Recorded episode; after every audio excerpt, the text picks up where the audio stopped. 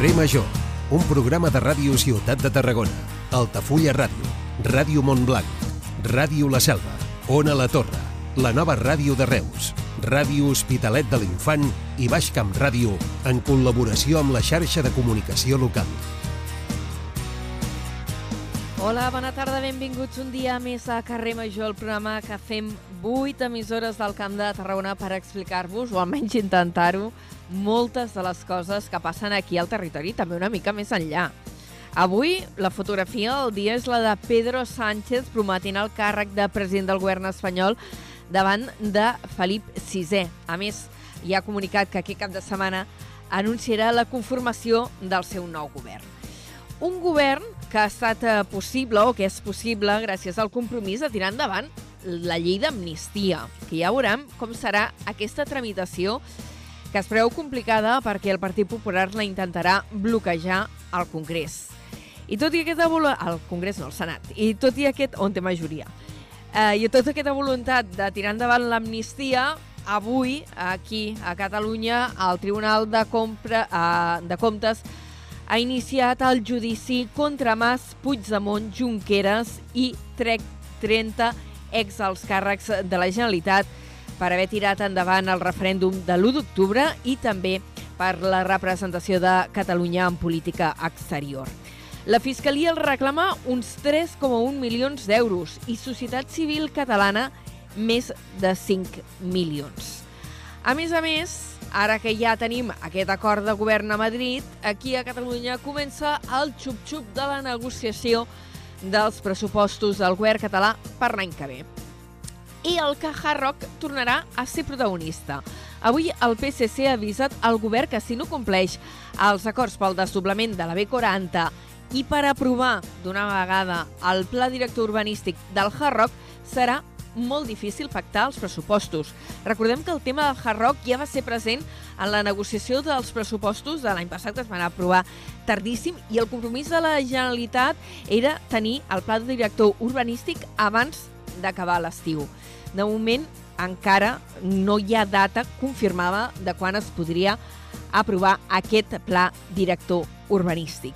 I a tot això, avui s'ha fet pública el resultat de la darrera enquesta d'estudis d'opinió que realitza Catalunya, segons el qual, segons aquesta enquesta, el PSC guanyaria les eleccions al Parlament amb 39 o 45 escons per davant d'Esquerra Republicana, que n'obtindria entre 29 i 34, i Junts, que es quedaria entre 19 i 24. A més, eh, se'n desprèn que els partits independentistes, amb una forquilla d'entre 52 i 66 escons, no arribarien a la majoria absoluta.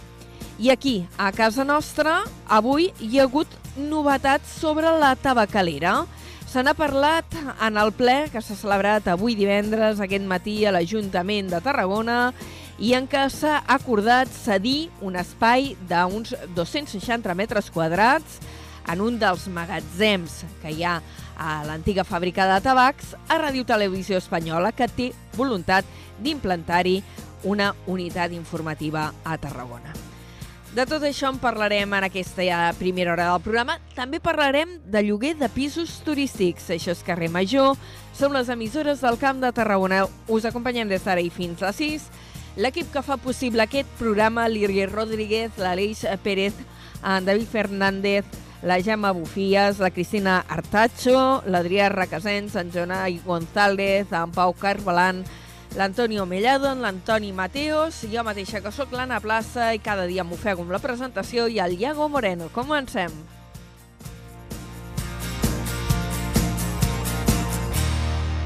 Carrer Major, Anna Plaza i Jonai González.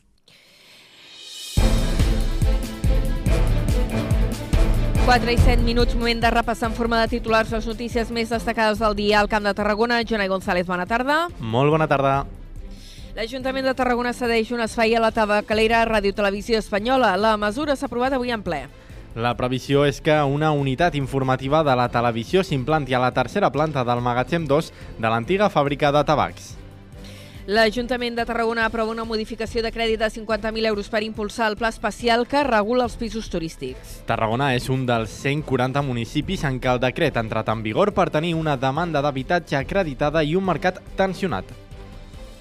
Més qüestions. Unes 200 persones s'han concentrat avui a les portes de l'Ajuntament de Reus per demanar que no es tanqui l'única residència d'avis pública que hi ha a la ciutat.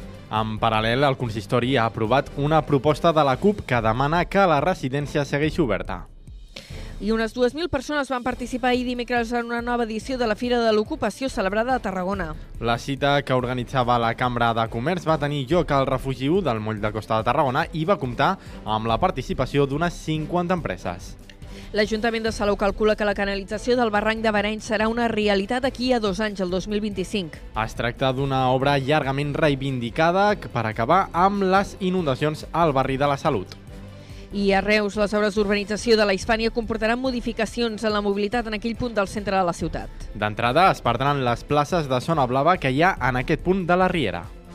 L'Ajuntament d'Altafulla es desmarca de la batuda del senglar d'aquest cap de setmana i aposta per mesures de control ètiques. Des de la regidoria de protecció animal creuen que és preferible usar mètodes d'esterilització d'aquests animals que no pas caçar-los.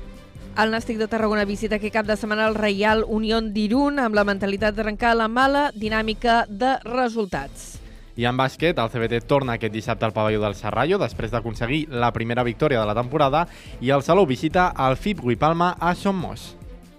I en Cultura parlarem de l'agenda d'aquest cap de setmana en què, entre altres coses, avui tenim un gran concert del Frank Schubert Filharmonia a l'Auditori de Vilaseca, que interpretaran Sibelius, interpretaran Tchaikovsky, i també avui a Reus, al Bartrina Le Congrès no marche pas, on la darrera producció de la companyia La Calòrica. Jonai, fins després. Fins després.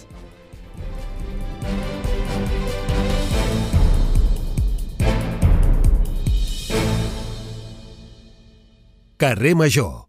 Toni Mateos.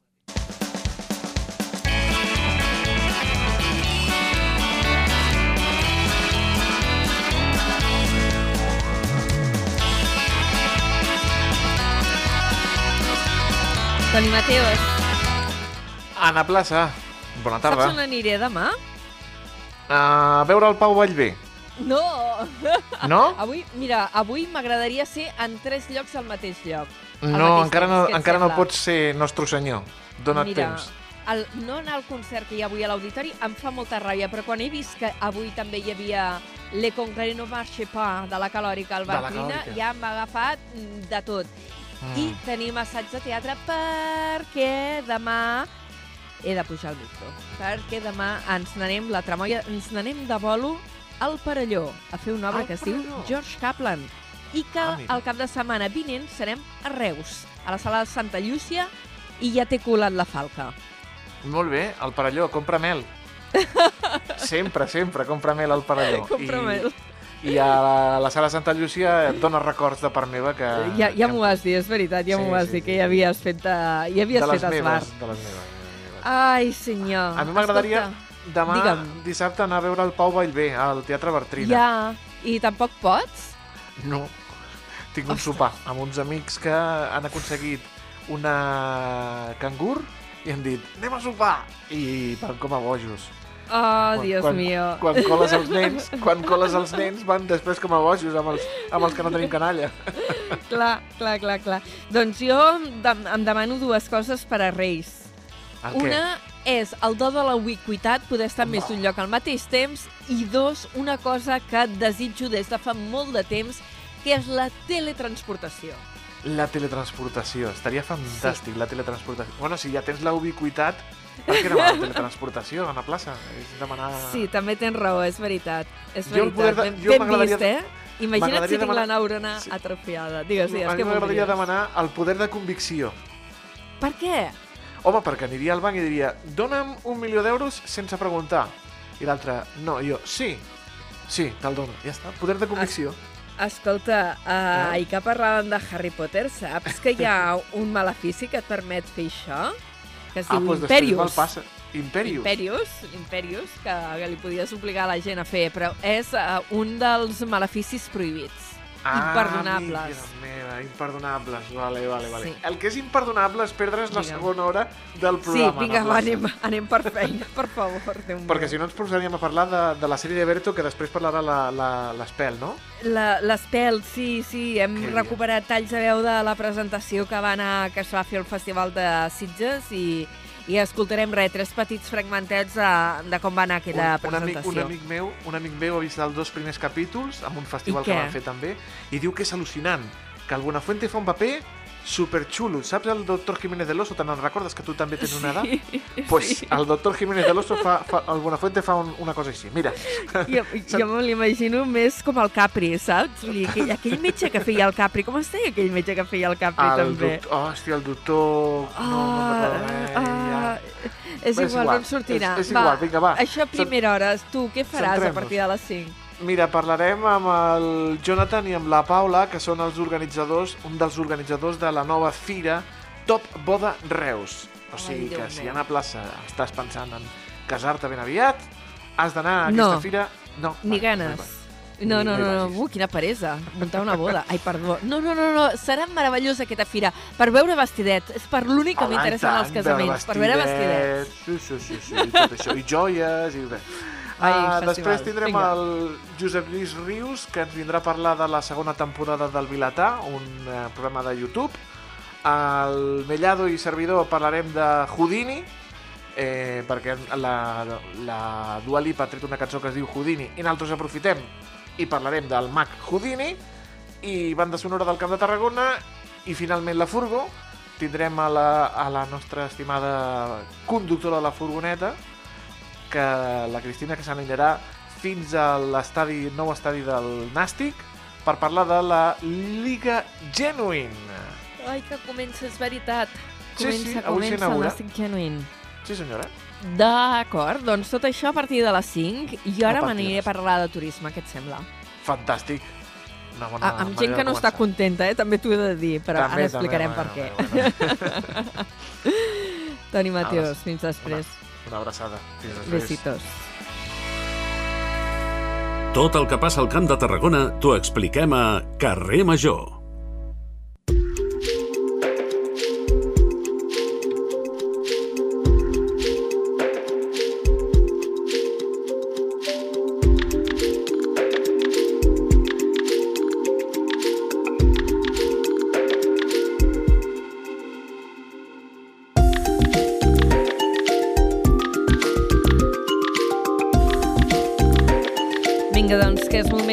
Moment d'encetar l'entrevista d'actualitat eh, d'aquesta primera hora del programa. Deia, parlem amb gent que no està gaire contenta. És... Avui tenim, eh, el, ens acompanya per telèfon en Quim Cristià, eh, que és membre de la Junta de l'Associació d'Apartaments Turístics del Camp de Tarragona i de les Terres eh, de l'Ebre, eh, perquè ara fa pocs dies, eh, de fet va ser la setmana passada, el govern de català va aprovar un decret llei eh, que regula tota la qüestió dels apartaments eh, turístics i des del sector no ho han rebut eh, amb gaire alegria. Senyor Cristià, bona tarda. Hola, bona tarda.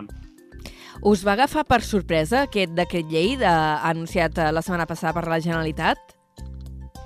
Bé, no ens va agafar per sorpresa perquè fa eh, mesos que sabem que el Departament de Territori volia fer un decret i fa mesos que tenim demanada cita amb el Departament de Territori i no ens la donaven i, per tant, vam interpretar que devien estar preparant algun decret que devia ser dolent pel sector i que per això no ens volien escoltar i, i per tant no, no ens va agafar per sorpresa el decret, sí ens va agafar per sorpresa la magnitud de la tragèdia, eh, la, el, el, eh, lo mal fet que està i, i, i, i els efectes eh, nefastos que tindrà no només en el nostre sector, sinó en els sectors comercials i de la restauració de molts pobles de la Costa Daurada i de les Terres de l'Ebre. Anem a explicar una mica els detalls, que de fet ja els vam explicar en l'informatiu d'aquest programa, eh, però el decret, diguéssim que incideix en dos tipus eh, de municipis, en dues casuístiques eh, diferents. Eh, D'una banda, els municipis que tenen problema d'habitatges o que tenen eh, cinc pisos turístics per 100 habitants, i en el cas dels municipis que consideren saturats, que són aquells que tenen més de 10 pisos eh, per cada eh, pisos turístics per cada 100 habitants. En aquests casos, que seria el cas més extrem, es demana fins i tot que es redueixi el nombre d'apartaments. És això el que més us inquieta? Bueno, ens inquieten moltes coses. Aquesta, òbviament, ens inquieta, eh, sobretot perquè aquest és un decret que ve de, del, del, de, del Departament de Territori de la Generalitat, de la consellera Esther Capella, i no pas del Departament d'Empresa ni, de, ni de la Direcció General de Turisme. Per tant, és un decret que no ha tingut en compte el turisme i que l'únic objectiu que ens diuen que té aquest decret és facilitar habitatge. I, i ens preguntem què passarà a Salou amb 4.500 habitatges d'ús turístic als, als quals, segons els límits que estableix el decret, se'ls haurà de revocar la llicència i m'agradaria a mi saber quin, quina, quina situació d'habitatge resoldrà posar 4.500 habitatges al mercat amb una població que a dia d'avui té 30.000 habitants censats. És a dir, hauríem d'incrementar la població de Salou amb 45.000 persones per absorbir aquests pisos que, segons el Departament de Territori, eh, es posarien al mercat. Que tampoc serà així perquè a Salou i a molts pobles a la Costa Daurada eh, hi ha molta segona residència. I l'únic que aconseguiran amb aquest decret és que les persones que ara tenen una segona residència i que venen i en gaudeixen durant unes setmanes i mentre ells no hi són eh, els cedeixen a alguna empresa eh, perquè els exploti de manera turística, eh, i aconsegueixen uns ingressos que els permeten doncs, pagar l'IBI, pagar la comunitat de propietaris i treure'n un petit rendiment. Totes aquestes eh, famílies que tenen aquests apartaments a, a la millor no els podran mantenir i, i per tant, doncs, si els posen a la venda, eh, ens tornarem al mercat immobiliari. Vull dir, és, és, tot, tot, tot, tot, tot és un sense sentit per, i l'ensorrarem perquè no hi ha demanda. Aquest és un decret fet eh, des de Barcelona, des d'un despatx de Barcelona, sense sortir al carrer i pensat en Barcelona. I Catalunya no és Barcelona, eh, Catalunya és diversa, Catalunya és plural, i com sempre a Tarragona eh, ens toca el rebre, ens toca el rebre perquè ningú pensa en nosaltres. Eh, ara diu a Tarragona ens toca el rebre, però ara no fa gaire llegia un titular eh, que també els apartamentistes de Girona posaven el crit al cel, o sigui, no només és Tarragona.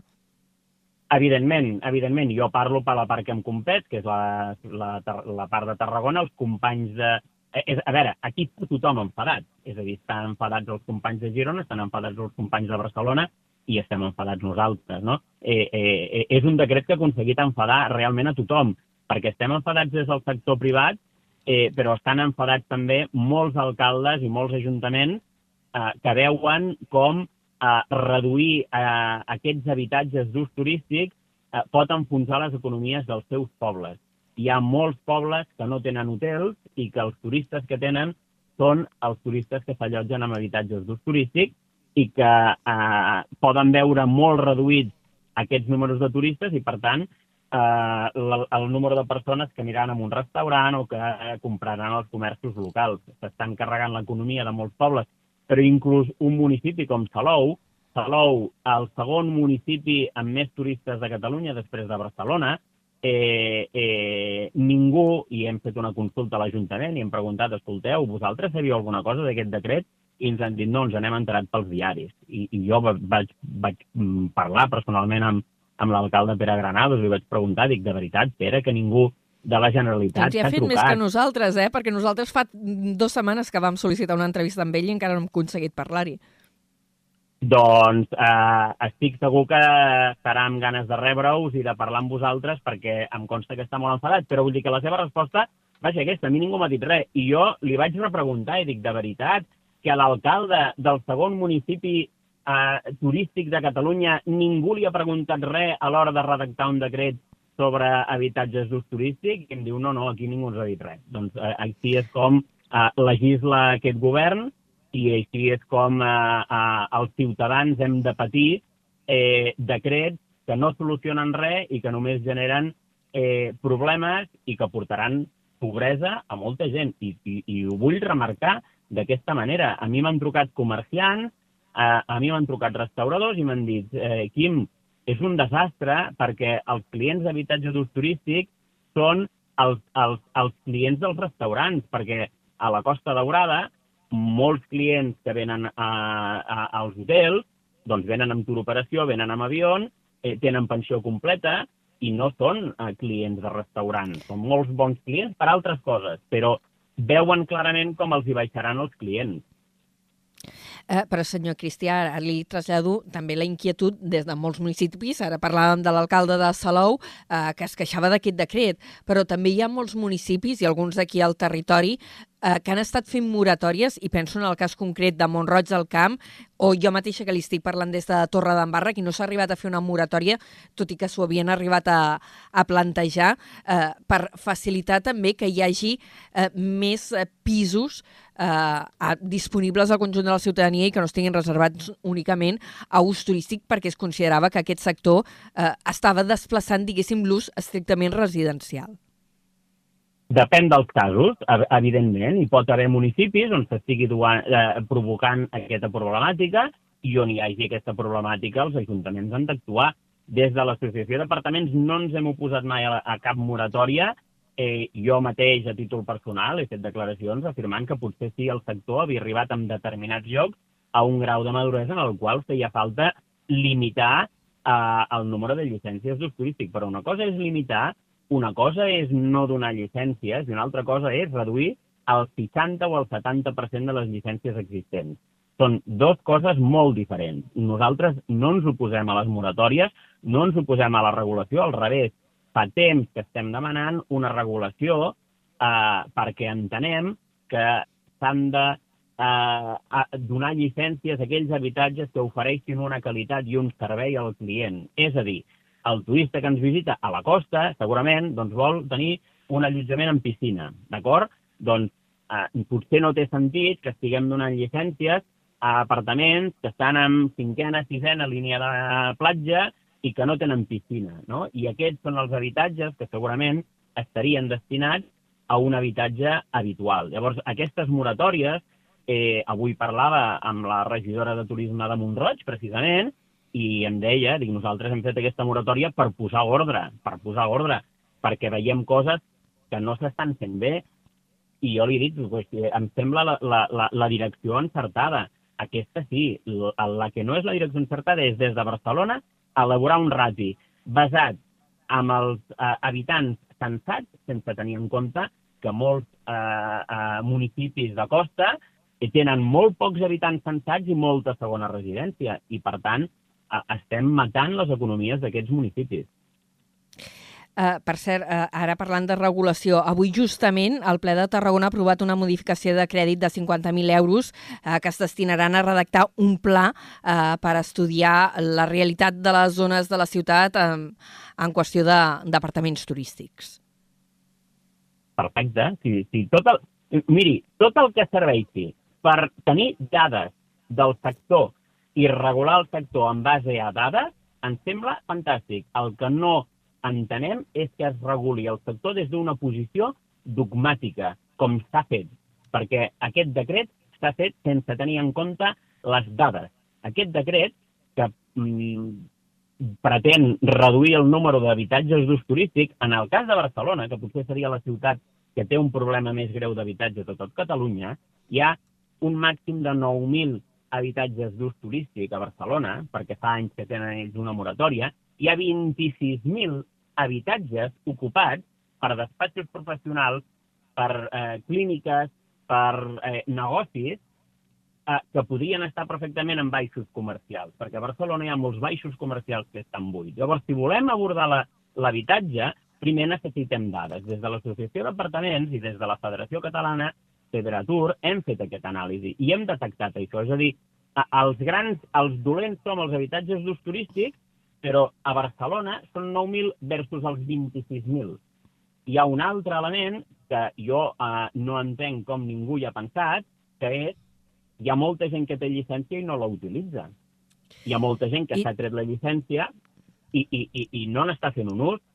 La Generalitat ho sap, perquè com que sap quan es recapta de taxa turística de cada apartament, podria agafar i dir, escolta'm, apartaments que han estat dos anys sense eh, tributar taxa turística, per tant, sense utilitzar aquesta llicència, revoquem-la, i llavors tindríem una radiografia exacta de quants habitatges turístics tenim realment. Uh, mire, ara que diu això de revoquem-la, una de les coses que introdueix aquest decret llei és que les llicències seran per un màxim de 5 anys i llavors s'hauran de renovar. Això permetrà, uh, entenc, uh, detectar aquestes casuístiques que ara vostè, per exemple, estava denunciant. Bueno, eh, hi ha una diferència molt gran. Jo, si jo voluntàriament, si jo voluntàriament no utilitzo una llicència, d'acord? És un acte propi que jo estic fent i, i el govern pot caducar, revocar o, o, o, o diguem-li com vulgui, aquesta llicència i, a més, d'una manera gratuïta, perquè si jo no faig servir una llicència, eh, eh, la llei permet eh, donar-les de baixa, aquestes llicències inutilitzades. I és un acte propi meu i jo no puc reclamar res. Això és molt diferent del que pretén aquest decret, que és, al cap de cinc anys, revocar totes les llicències i que les hagis de tornar a demanar. Llicències que s'estan utilitzant i llicències que estem eh, operant en base a, a, la, a la normativa vigent. I aquesta caducitat de llicències cada 5 anys porta un efecte que ningú n'està parlant, ningú n'està parlant, i és encara més greu. Quan diu què li preocupa, em preocupa dos coses. Em preocupa eh, el fet primer que hem dit de que reduiran el número de llicències, però em, encara em preocupa més la manca de seguretat jurídica sobre en qui se li renovaran aquestes llicències i en qui no. Perquè si jo tinc un cotxe he de passar la ITV. I quan he de passar la ITV, jo sé que si tinc el cotxe que funciona bé, la ITV la passaré i me la donaran. Sí o sí. Però en el cas dels habitatges d'ús turístic, tenint el pis perfecte, a la millor no em donen la llicència. Això genera una inseguretat jurídica tan gran, tan gran, que el, deixarem d'invertir en els nostres habitatges d'ús turístic. Jo sé de reformar els lavabos dels apartaments i tinc el dubte de si d'aquí cinc anys tindré llicència o no tindré llicència, apuraré els 5 anys sense reformar els lavabos. I això és un problema molt greu, perquè en 15 anys tindrem la planta d'habitatges d'ús turístic més obsoleta d'Europa. I si tenim un, un allotjament obsolet, tindrem un client de baix nivell i ens carregarem una font importantíssima d'ingressos al Camp de Tarragona, a la Costa Dorada i a les Terres de l'Ebre. I ningú està parlant d'això. Eh, de fet, l'Ajuntament de Salou, eh, ara em sembla paraules que, que van aparèixer a la premsa de, de l'alcalde en Pere Granados, eh, que venia a parlar d'això, d'aquest qüestió d'inseguretat jurídica i també en la posició que es trobaven els ajuntaments que diu en qui hauré de concedir o no concedir llicència, no? en quins criteris s'haurà de fer això. Doncs si l'administració pública no ho sap, els privats encara ho saben menys, però jo parlava l'altre dia amb, amb, amb un hoteler que té un hotel i al costat hi té 26 habitatges d'ús turístic i em deia, Quim, he parat, els havia de reformar sencers, ja ho tenia tot preparat, estava a punt de signar eh, eh, eh, eh, el pressupost amb el constructor i ho hem parat tot, diu, perquè jo no tinc no em gastaré una fortuna en reformar uns apartaments que a la millor d'aquí 5 anys no puc operar. És a dir, que aquest, aquest decret ja està a dia d'avui afectant en negatiu a la qualitat dels allotjaments turístics. 26 apartaments que es havien de reformar ja no es reformaran aquest hivern. I això acaba de començar. Llavors, eh, eh, aquesta inseguretat jurídica que el propi alcalde de Salou deia eh, eh, és una altra de les coses greus d'aquest decret que ha passat la pilota als ajuntaments. Els hi ha dit, eh, limiteu, i ell els hi ha deixat. I, i, i això tampoc, entre administracions, jo entenc que hi hauria d'haver una col·laboració i no un eh, passar-los al mort als ajuntaments i a veure com, i a veure com se'n surten d'aquesta. Uh -huh. eh, per cert, Tour, la Federació d'Apartaments Turístics, estudia emprendre la via legal per aturar aquest de decret. Eh, sap per on van els passos? Evidentment, esgotarem tots els eh, recursos jurídics.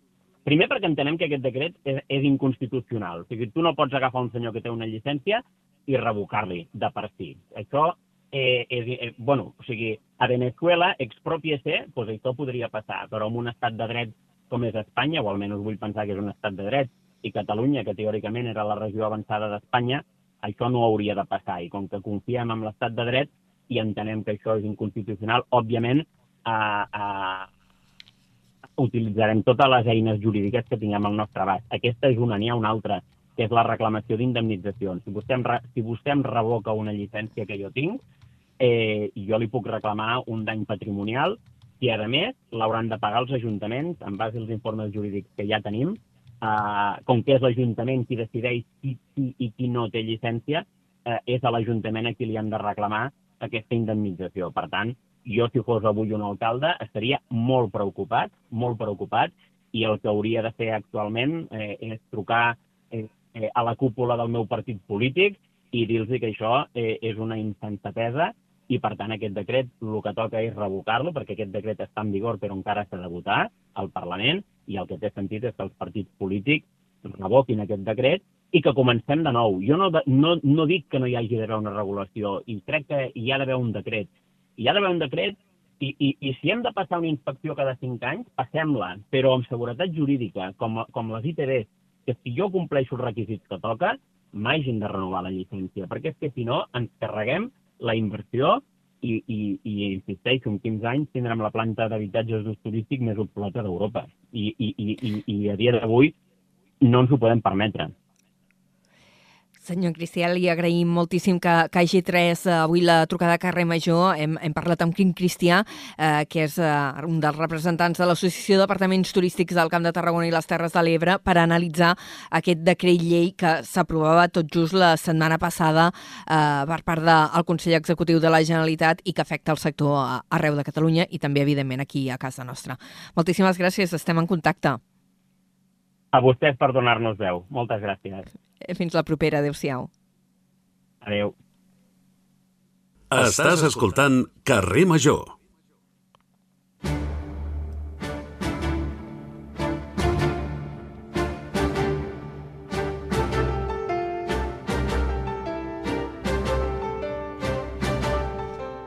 Divendres passat no la vam saludar perquè estàvem fent tertúlia política amb el Josep Maria Cruzet i li vam demanar, mira, Paula, avui no parlarem de cinema perquè si no se'ns tirarà el temps a sobre, però la setmana vinent sí que t'esperarem per parlar de cinema, televisió o les coses que ens portis. Paula Espel, bona tarda. Bona tarda. Avui tens ganes de parlar d'una sèrie que està a punt d'estrenar-se a Movistar Plus. Sí, avui vinc a parlar de El Otro Lado, la sèrie de Berto Romero, que fan al Terrat, que surt l'Andreu Buenafuente, la Maria Boto... La veritat és que tenen un, allà un repartiment curiós perquè vam estar parlant amb els directors i tenen actors amateurs, amb actors d'allò de Goya superdramàtics, amb actors de comèdia. I és una, una mena de um, història de terror amb comèdia que sembla molt difícil d'ajuntar però realment funciona perquè la vam poder veure al Festival Internacional de Cinema de Catalunya Sitges i jo crec que està molt bé. I uh, has tingut oportunitat de fer entrevistes, aprofitant encara que t'està a Sitges, que us va donar molt de sí a la gent del programa No Som Ningú, vau poder fer un munt d'entrevistes i avui escoltarem algunes d'elles, oi? Sí, sí, avui podem escoltar Alberto i a l'Andreu a la roda de premsa, que vam estar parlant amb ells, vam tot, conduir tota la roda de premsa perquè fos en català, que va ser força divertit, i després una entrevista que li van fer a la Maria Boto que ens explica una història seva amb fantasmes a casa seva, que jo crec que ve molt al cas de la sèrie. Doncs perfecte, Paula. Fins la setmana que ve i ara ens quedem en aquestes entrevistes. Eh, bon dia. Eh, bé, la meva pregunta és pel Berto, però és sobre el doctor Estrada. Al final el personatge, Andreu, que fas és un presentador de televisió així dels 90 bastant ranci que hem estat parlant abans. Eh, llavors, com, com ho fas a nivell guió per escriure i, i que aquest, aquest toc ranci després quedi graciós i, i no, no se'n vagi per un lloc que potser la comèdia doncs, ja no no, ja, ja no aguanta tant, diguem Doncs eh, hem intentat amb aquesta sèrie eh, portar fins a les últimes conseqüències de la idea inicial que era barrejar de forma molt equilibrada el terror i la comèdia. Això ja et, ja et posa en un determinat lloc. És a dir, perquè funcioni una comèdia en la que instants després d'un acudit o d'una seqüència simpàtica t'has de, si no espantar o terroritzar, com excessivament sí, com a mínim inquietar, doncs doncs has de has d'equilibrar molt bé totes dues coses. Llavors, amb el personatge d'Estrada, amb, és evidentment el que s'emporta tots els acudits de la funció, és una mica que, el que fa que cada cop que surts dius, bueno, estic en terreny segur, ara riuré una mica, però tampoc ho, ho hem forçat massa perquè fos descollonant o fos massa extrem. Hem intentat que sigui dins del que cap tot una mica realista. És a dir, aquest perfil de, de persona eh, una mica ja passada, de, passada de, de voltes o fora del seu temps, creiem que, bueno, jo crec que és, que és divertit de tenir-lo i també era un, era, un, era molt llaminer però alhora molt perillós perquè podíem haver apretat això fins que, a totes les conseqüències però ho hem deixat aquí en, en un punt mig equilibrat. Però és el que hem intentat fer a, a tota la sèrie. El reto principal era que la mezcla de géneros funcionara y sobre todo que un, género, la comedia, por ejemplo, el terror, uno no se comiera al otro, ¿no? Entonces, una de las premisas que teníamos era que no se contaminaran, era que cuando hacíamos comedia o intentábamos hacer comedia fuera comedia pura y no hubiese elementos de terror. Y, también al revés, ¿no? Que cuando empezaba el terror, no, no, la comedia desapareciera, ¿no? Para que fuera más efectiva. Pero sobre todo lo que nos basamos en que la historia funcionaba. Y entonces la historia hacía que si había ratos que no había ni terror ni, ni comedia, eh, el espectador siguiera enganchado, ¿no? Que no estuviera buscando solo reírse, porque hay una cosa que pasa a veces con la comedia, es que dices, bueno, yo me, vengo a reír y como estés un rato, o sea, menos que plantes una historia muy interesante, como estés un rato que no te rías, parece que algo no esté funcionando. Y con el terror igual, ¿no? Entonces nosotros sabíamos, porque lo había escrito Berto, lo había escrito con mucho tino, eh, que, la, que la historia funcionaba y que el espectador se iba a enganchar a eso, con lo cual todo el resto era un plus. No, o sea, el reto real, o sea, era eh, que Andreu y Berto tienen una imagen, ¿no? O sea, el espectador tiene clarísimamente una imagen muy, muy definida de, por, el, por, por, los programas de televisión, por el Nadie sabe nada. Entonces, el reto principal era a ver cómo hacemos que desde el minuto uno el espectador borre esa imagen que tiene y tenga la imagen de los personajes que interpretan, ¿no? O sea, que se convirtieran. Entonces, por ahí vino el reto. Lo que pasa es que en cuanto vimos los primeros ensayos y vimos las primeras tomas, ya nos respiramos bastante tranquilos porque dijimos, vale, esto lo tenemos, ¿no? O sea, no Sí. parecen Andreu y Berto, sino... Y, y luego son Andreu y Berto, que tienen una química brutal, lo hemos visto en programas, en tal, que eso se manteniese en la serie, y luego mezclarlo con actores de, tradición más dramática y de formación eh, mucho más académica, y actores increíbles como María Boto, Evo Garte, y luego a esa ecuación le sumamos o haciendo de actor a un director nominado al Oscar como Nacho Vigalondo, o sea que tampoco tiene experiencia. Y, y, a- y actores amateurs también. Eh, eh, es, la verdad es que nos hemos metido en un lío que, que- que- que creemos que ha salido bien, pero era jugar eh, unas cartas complicadas, pero al revés, creíamos que esa mezcla le daba algo especial a la serie. Carrer Major, al Camp de Tarragona, des de ben a prop. La Paula Espel, que avui ens ha aproximat aquestes eh, entrevistes i un fragment d'una roda de premsa una mica saturat, eh? Us demanem eh, disculpes per la qualitat del so. Era so de roda de premsa, sentíem Alberto Romero, i ara al final els directors d'aquesta sèrie, l'Otro Lado, en Javier Ruiz Caldera i l'Alberto del Toro. Dit això, anem ja de pet cap a l'informatiu.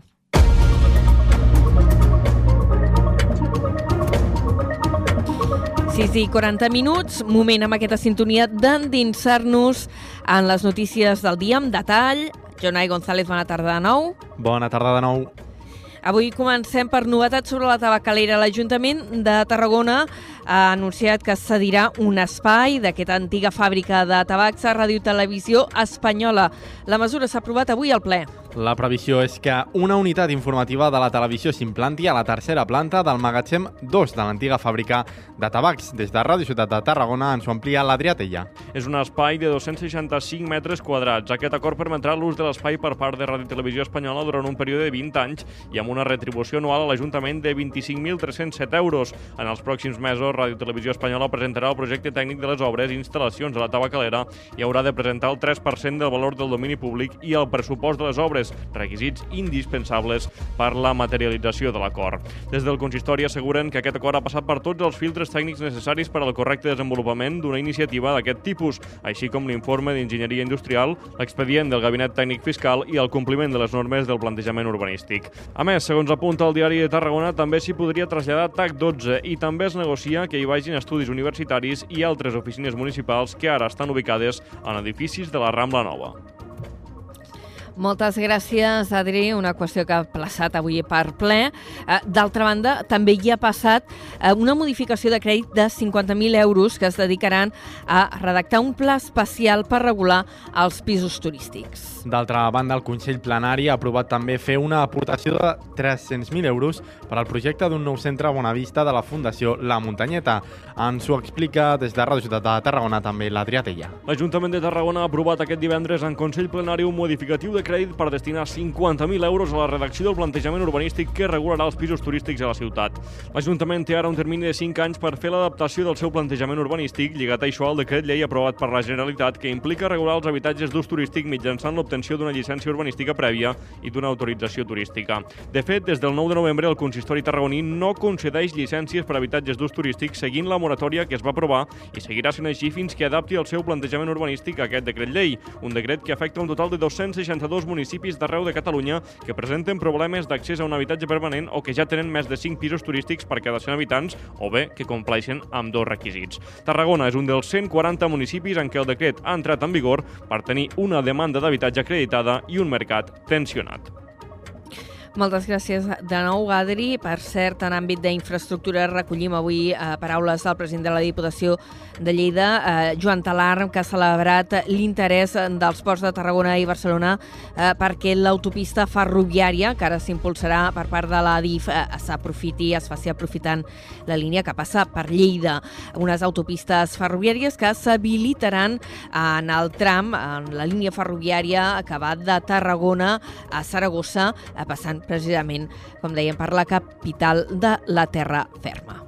L'autopista projectada per Adif, que connectaria l'eix mediterrani amb Saragossa, ha generat l'interès dels ports de Tarragona i de Barcelona per la capacitat logística que atorgaria a Lleida. Aquest ha estat un dels punts tractats en la Comissió de Rodalies de l'ens provincial lleidatà d'aquest divendres. La subdelegació del govern espanyol ha animat els agents del territori a manifestar la seva voluntat i capacitat per transportar mercaderies a través d'aquesta via.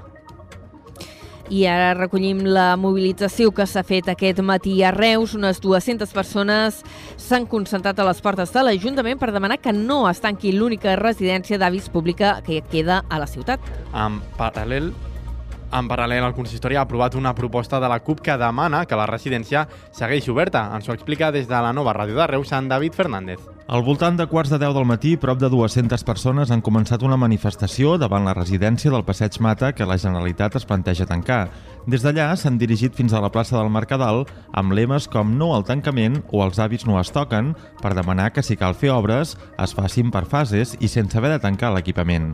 Una vegada davant el Palau Municipal, una vintena de familiars i treballadors han pogut entrar al ple de l'Ajuntament en el qual la CUP ha presentat una proposta de declaració per demanar que s'aturi el tancament de la residència que s'ha aprovat per unanimitat.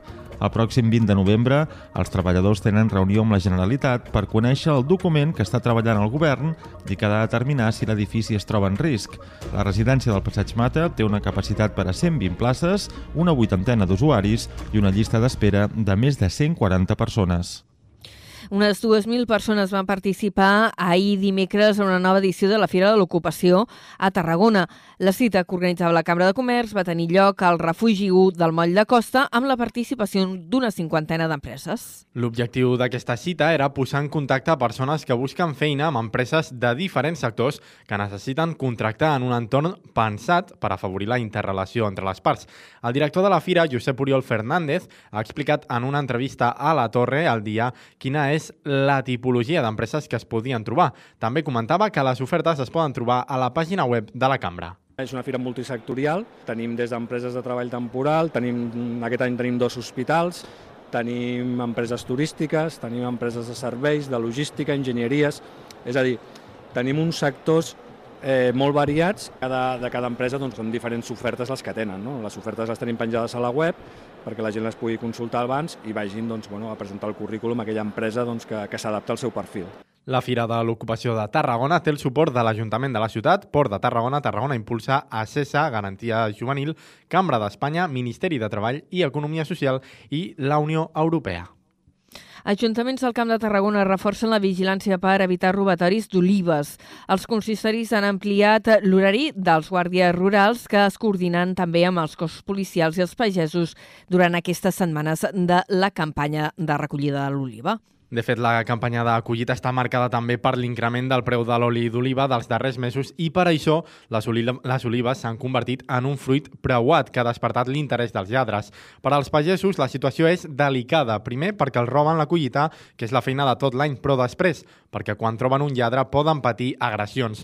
El coordinador territorial d'Unió de Pagesos al Camp de Tarragona, Pere Guinovart, tem enfrontaments entre lladres i pagesos, però valora positivament la coordinació entre policies. Som conscients conscients que els punts que hi ha, que doncs, hi ha més robatoris doncs hem d'incrementar els efectius perquè amb aquests efectius sols no n'hi ha. I aleshores això també ajuda eh, el ser més a dir doncs ara estan encarats aquí o estan encarats allà o venen en aquell magatzem d'aquí. Això sí que realment eh, ens ajuda. Des de fa 5 anys que ja hi ha coordinació entre consistoris, policies i pagesos i durant aquest temps el sistema s'ha perfeccionat. Les zones més afectades a dia d'avui són Montbrió i Montroig del Camp al Baix Camp i amb una mica menys d'incidència a municipis del Tarragonès com Constantí, Vilaseca o Vilallonga del Camp. Perquè fa informacions eh, més d'àmbit municipal, ens situem en primer lloc a Salou, que preveu acabar la canalització del barranc de Barenys, que està realitzant l'ACA, l'Agència Catalana de l'Aigua, el segon semestre de 2025, és a dir, d'aquí aproximadament uns dos anys. La plaça Callinda, amb el passeig Miramar, es preveu que quedi enllestida abans de l'estiu vinent.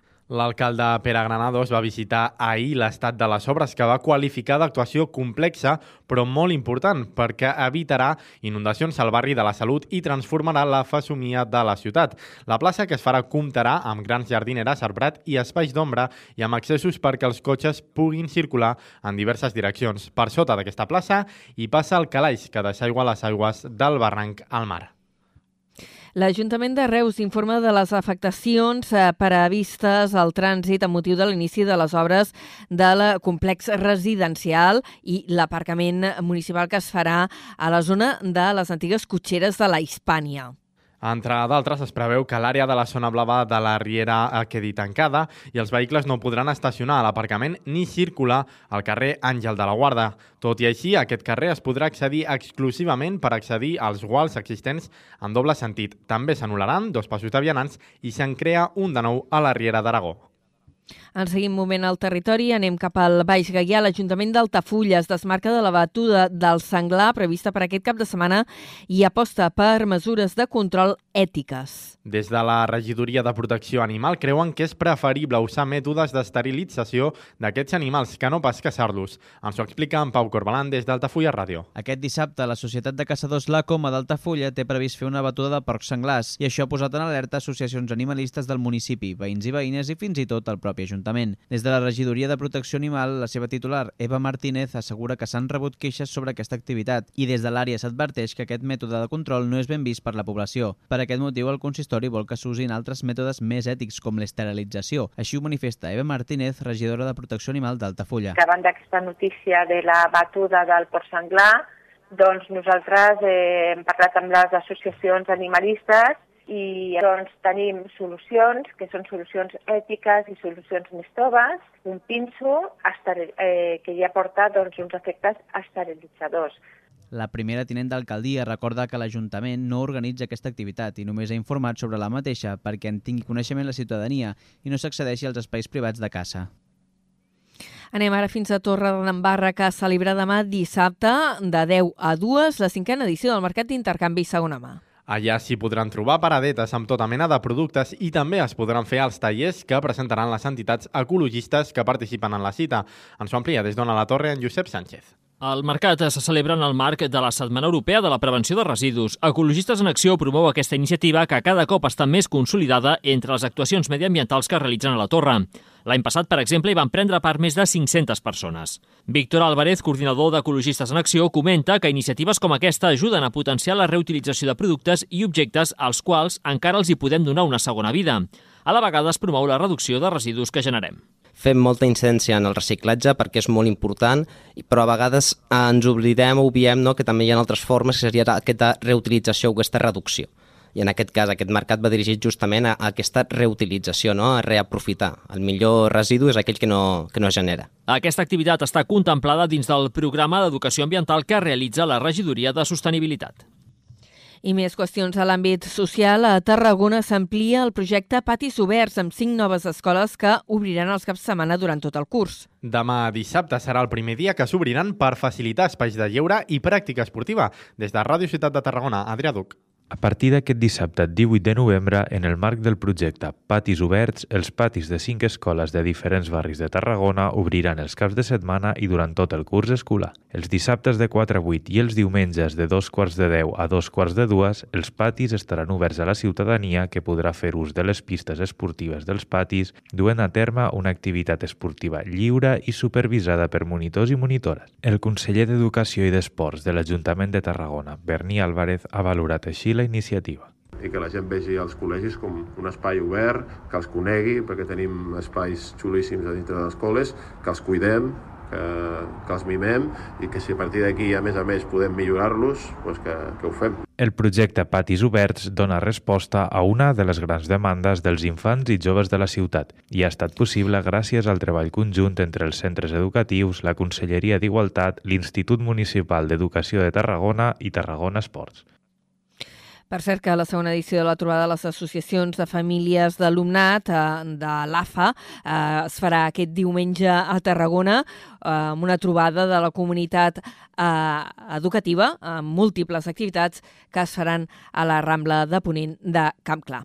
I anem ara a l'Hospitalet de l'Infant, on demà dissabte s'inauguraran les eh, quartes jornades de l'arròs amb una festa gastronòmica. Fins al 26 de novembre, 12 establiments de restauració oferiran diverses receptes saboroses amb arròs com a ingredient principal. Des de Ràdio L'Hospitalet ens ho explica Liri Rodríguez.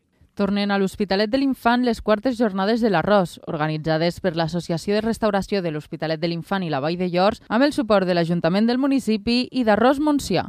Les jornades s'encetaran amb una festa gastronòmica on els assistents podran degustar un plat d'arròs fet al moment. L'acte inaugural tindrà lloc el dissabte 18 de novembre a la plaça de la Marina de l'Hospitalet de l'Infant, amb música en directe a càrrec del DJ Òscar Sánchez. Qui vulgui tastar aquest arròs popular, el preu és de 8 euros. En aquesta edició, sota el lema del Delta de casa de tots, hi participaran un total de 12 establiments de restauració de l'Hospitalet de l'Infant, on en cada un d'ells s'hi oferiran diferents receptes sabroses d'arròs fins al proper 26 de novembre.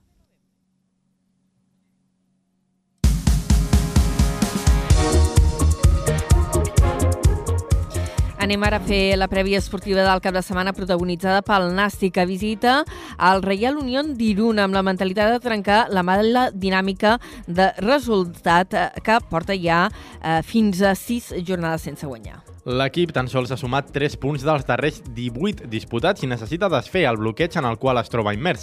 Ens fa la prèvia l'Adrià Tella des de Ràdio Ciutat de Tarragona. El conjunt grana no va poder superar el Sestau fa 7 dies, tot i generar ocasions més que suficients per fer-ho i acumula 4 partits sense perforar la porteria contrària, una dinàmica adversa a la del principi de temporada que no ha impedit continuar veient un nàstic reconeixible en tots aquests duels. Tot i això, l'equip no ha trobat l'encert en els darrers metres i necessita que això canvi. Dani Vidal, tècnic del nàstic, en parla. Eh, ens ocupa preocupa, però no ens ha de preocupar, perquè contra més t'obsessiones eh, pitjor és, però està clar que, que si, si som capaços de, de tenir aquest encert, no m'agradaria dir-li fortuna, perquè al vestuari ho hem parlat, és, és un cop de rosca que ens, que ens falta, que no ens està arribant, que el volem donar i per això només eh, la fórmula és treballar, treballar, treballar, estar convençut, estar eh, ser autocrític per, per intentar no, no apel·lar només a la sort, sinó al treball a millorar i en això estem.